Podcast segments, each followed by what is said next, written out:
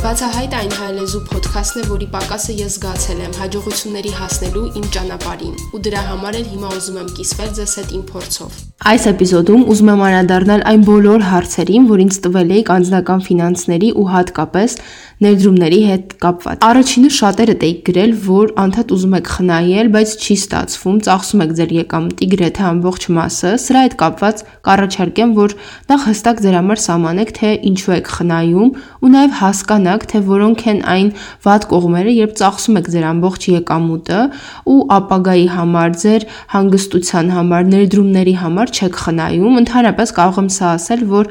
ապագայում շատ հնարավորություններից հետ եք մնալու, թե ներդրումային, թե կյանքի հարմարավետությանը վերաբերվող, թե մտքի հանգստին վերաբերող, դրա համար անպայման ունեցեք խնայողությունների պլան Ես օրինակ ունեմ առանձին բանկային հաշիվ, որտեղ ամեն ամիս որոշված կերպով իմ եկամտի որոշակի տոկոսը ավտոմատ գնում է այստեղ եւ այն ծախսում է միայն ներդրումներ կատարելու համար։ Դրա համար ձեզ եմ առաջարկում, որ նախ հստակ իմանաք, թե ձեզ ամսական որքան գումար է անհրաժեշտ նորմալ ապրելու համար եւ մնացածը ուղակի խնայեք ու չծախսեք ավել բաների վրա։ Ինչ որ մի ժամանակ սա այսպես անելուց արդեն ձեր մոտ կձևավորվի այս կամքի ուժը ու հետո կարող եք ադապտացնել ձեզ համար հարմար գումարի չափ որոշել, որը որ կարող եք խնայել, փորձեք հնարավորինս չափ ավտոմատացնել սա, որպեսի ձեզանից ավել գործողություն ջանք չպահանջես խնայողությունը կազմակերպելը ցանկալի է առանձին տեղում, առանձին բանկի հաշվեհամարում եւ նաեւ եթե հնարավորություն ունեք, այնպիսի հաշվեհամարում, որը որ դժվար կլինի ծախսել, գուցե ինչ որ հատուկ հաշվամար գտնեք, որի վրա այսպես ասած տուգանք կա ծախսելու դեպքում, արդեն կախված նրա թե յուրաքանչյուրիս այդ մկանը որքան է զարգացված մեզ ստիպելու խնայողություններ կատարելու համար, ըստ դրա փորձեք ճնշում գործադրել ինքներդ ձեր վրա, որպեսի խնայեք ու չծախսեք։ Երկրորդ հարցը, որ հաճախ էիք տալիս, թե որքան գումար է անհրաժեշտ ներդրումներ սկսելու համար։ Սա շատ ինդիվիդուալ է։ Նախ նշել էի արդեն Instagram-ում, որ մի քանի 100.000 դրամից էլ սկսած կան ներդրումներ անելու ձևեր։ Այստեղ կարևոր է որպեսի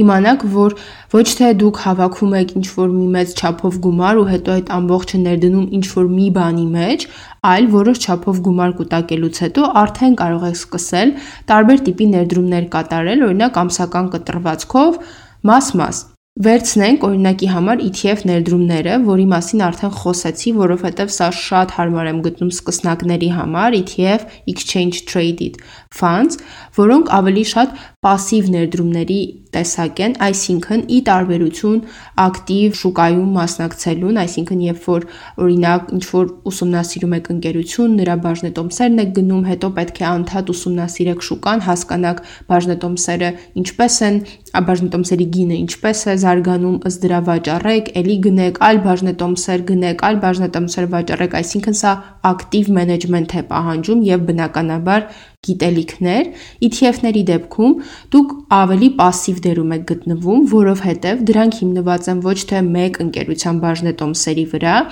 այլ որոշակի ֆոնդի, որտեղ հավաքված են մի քանի ընկերությունների բաժնետոմսեր, մի մասն են կազմում։ Ու այսպիսի ֆոնդերը կամ ինդեքսները արդեն մասնագետների կողմից ընտրված որոշված են։ Օրինակի համար S&P 500-ը, որը ընդգրկում է Ամերիկայի 500 ամենախոշոր ընկերություններին։ Նույնը կարող է լինել Եվրոպայի ինչ-որ ընկերություններ, տեխնոլոգիական ոլորտի ենթադրենք 15 խոշոր ընկերություններ եւ այլ եւ այլն, որոնք ուսումնասիրված են մասնագետների կողմից եւ երկարաժամկետ հատվածում մեծ շահութաբերություն ունեն, սկսած 6%-ից մինչև 12% էլ կան, որը որ օրինակ այսպիսի շուկայում բավականին լավ շահութաբերություն է համարվում եւ կան հավելվածներ, որոնց միջոցով դուք բացում եք ձեր account-ը, այնտեղ արդեն կարող եք ընտրել թե ինչ տիպի ETF-ներ, այսինքն ինչ տիպի ֆոնդերում եք ուզում ձեր գումարը ներդնել ու օրինակ ինչ որ ամսական կտրվածքով ընտրել, որ չգիտեմ, ամսական 50000 դրամ դուք ներդնում եք ձեր դրամապանակի մեջ եւ շատ հավելվածներ ավտոմատ ձևով ձեր փոխարեն կարողանում են կառավարել այս ETF-ային ներդրումները։ Սա մեկ օրինակ էր, ուրիշ բազմաթիվ օրինակներ էլ կան։ Դրա համար գումարը թե ինչքանից կարող եք սկսել ներդրումները խիստ կապված է նրա հետ, թե ինչ ներդրում եք կատարում։ Կարևոր է այստեղ նշել, որ ներդրումները ամեն դեպքում իրենց մեջ ռիսկ են պարունակում։ Դրա համար պետք չէ ներդնել օրինակ ձեր ամսական աշխատավարձը, որը ձեզ անհրաժեշտ ապրելու համար։ Նույնիսկ հաճախ ներդրումների հետ կապված ասում են՝ մի ներդրեք այն գումարը, որը կորցնելու դեպքում ձեր կյանքը շատ վատ շրջադարձ կունենա, չեք դիմանա դրան։ Ու դրա համար էլ գումարի ընտրությունը կարող եք այսպես անել. նախ եւ առաջ հասկանաք, թե ձեզ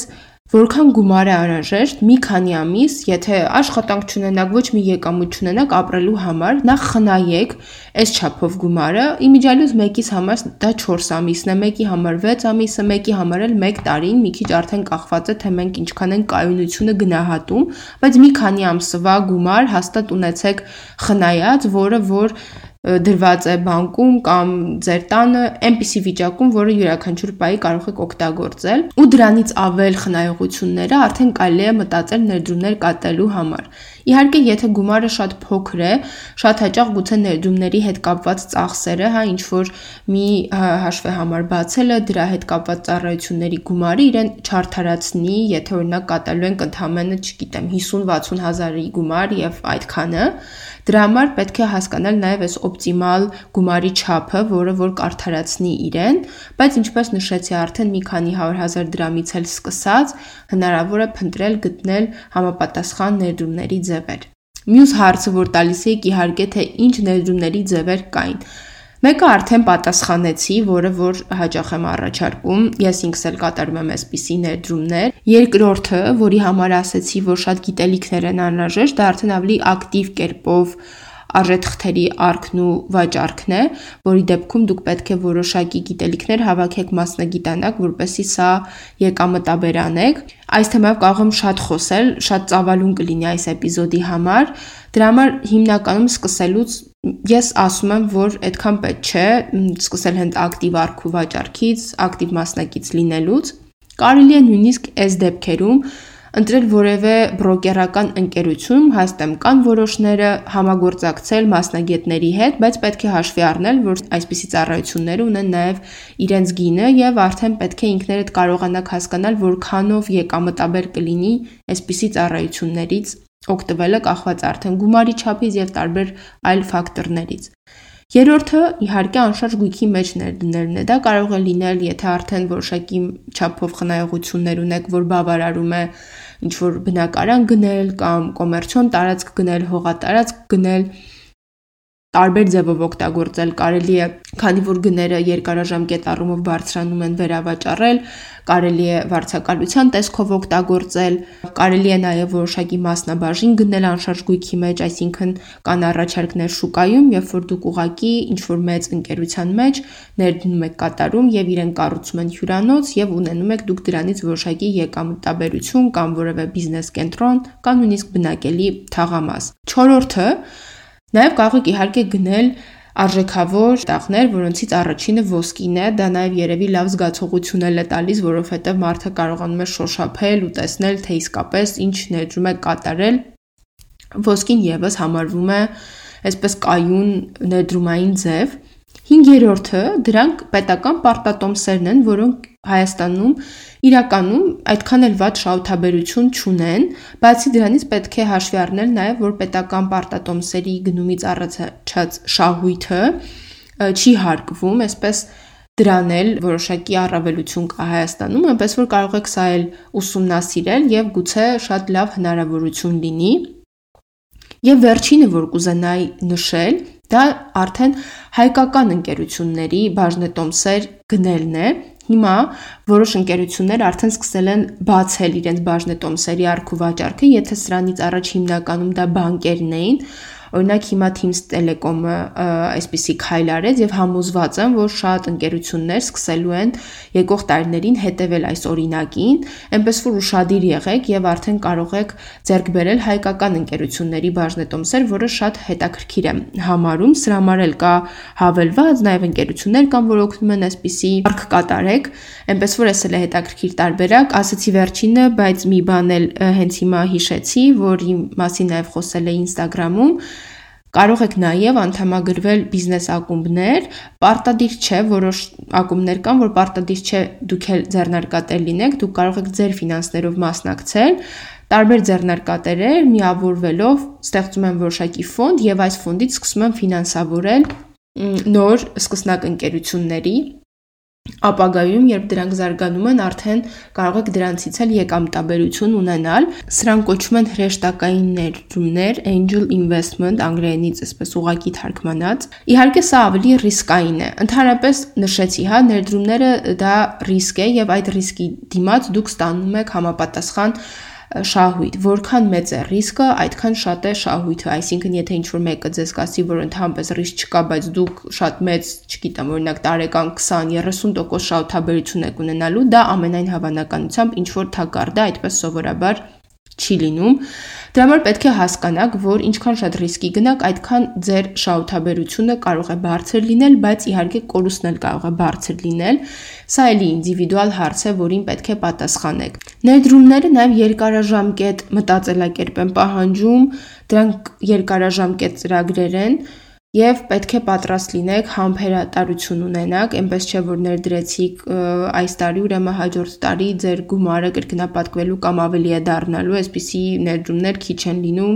եւ մեծ գումարի չափով է, որ կարող եք մեծ էֆեկտներ տեսնել, բայց օրինակ ենթադրենք մեկ տարվա ընթացքում մոտավորապես 4 միլիոնի ներդրումներ եք կատարել տարբեր ֆոնդերում, դրան շահութաբերությունը միջին հաշվով եթե վերցնենք 10%, որը վատ շահութաբերություն չի համարվում,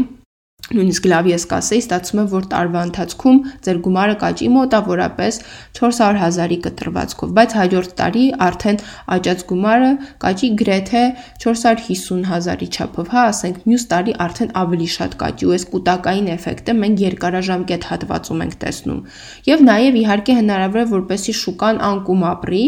այս ժամանակ էլ կարևոր է համբերատար լինել, որովհետև սովորաբար երկարաժամկետ հատվածով այն միևնույնն է աճելու է Այնպես որ ներդրումներից կախված կարևոր է որպեսի հասկանաք, թե ինչ ժամանակամիջոցի մասին է խոսքը գնում, որքան պետք է ներդնեք։ Կան ներդրումներ, որտեղ ավելի կարճաժամկետ էֆեկտներ կարող եք տեսնել։ Դրա համար էլ կարևոր է որպեսի ձեր ամբողջ գումարը մի տիպի ներդրումների մեջ չդնեք գտնեք ճիշտ հարաբերակցությունը, որտեղ գումարի մի մասը ներդնում եք որոշ ռիսկային պրոյեկտների մեջ, որտեղ շահութաբերությունը ավելի բարձր է։ Որոշ մասը դնեք պետական պարտատոմսերի մեջ օրինակի համար, որոնք համարվում են կայուն, բայց շահութաբերությունը ավելի փոքր է, որպես նաև այսպիսի տատանումները ձեզ համար ավելի հեշտ անելի լինեն ու իհարկե ռիսկերը դիվերսիֆիկացնեք, հա, սա ներդրումներ կատարելու ամենակարևոր պայմաններից է երկարաժամկետ նայել, ռիսկերը դիվերսիֆիկացնել եւ ես կասեի նաև համապատասխան դարձնել ձեր կյանքի ռիթմին, ձեր նպատակներին, ձեր մտածելակերպին։ Որոշներս մտածելակերպ ունենք, որ ինձ համար կարևոր չէ վաղը, ես ուզում եմ ուղակի այսօրը վայելել։ Ես ճիշտ է կառաջարկեի, որ ամեն դեպքում ապագայի համար որոշակի արդեն պատրաստվածություն լինի, որովհետև ոչ մեկ չի կարող ասել, թե վաղը ինչ կլինի եւ դրա համար կարեւոր է, որպեսզի մենք մտածենք ոչ միայն մեր այսօրվա մասին, այլ նաեւ վաղվա մասին հաշվի առնենք այն փոփոխությունները, որոնք կարող են տեղի ունենալ եւ արդեն իսկ լուծումներ ունենանք, իսկ ֆինանսական ապաշարը կյանքի կարևոր գործոններից է, որպեսզի մենք նաեւ լինենք հանգիստ թե մտքով, թե հոգով ու նաև կարողանանք մեզ թույլ տալ ապագայում օգտվել կյանքի հնարավորություններից։ Գուցե ապագայում ձեզ պետք լինի, որպեսի դուք որոշ ժամանակ չաշխատեք եւ այս ընթացքում հանգստանաք, ընտանիքի մասին մտածեք, նոր ծրագրեր մտածեք եւ այս դեպքում ձեր խնայողությունները, ներդրումները լավ բարձիկ, հա, այսպես ասած կարող են լինել։ Գուցե այնպես լինի, որ ձեզ գործից ազատեն կամ ինչ որ մի վատ բան լինի, որ չկարողանաք աշխատել։ Քաղաքական փոփոխություններ կարող են լինել, շատ-շատ բաներ ու ֆինանսները միանշանակ այստեղ շատ կարևոր դեր են խաղում յուրաքանչյուրիս համար։ Դրա համար մտածեք դրանց մասին, պլանավորեք դա, որպեսզի կարողանաք նաև ապրել ավելի բարեկեցիկ կյանք։ Այս թեմայով կարելի է շատ-շատ ավելի երկար խոսել, բայց այսքանով կսահմանափակվեմ, հուսով եմ, որ պատասխանեցի ձեր հիմնական հարցերին։ Եթե ելի հարցեր ունենաք, անպայման նշեք, գրեք բացահայտի սոցիալական կայքերից որևէ մեկով եւ կփորձեմ անպայման դրանց էլ անդրադառնամ։ Իսկ եթե ինքներդ արդեն կատարել եք ներդրումներ, սիրով կիսվեք նաեւ ձեր փորձով։ Կարծում եմ, որ դա բոլորին հետաքրքիր կլինի եւ կարող ենք իրարից սովորել ել ավելի լավ եւ շահութաբեր ներդրումներ կատարելու համար։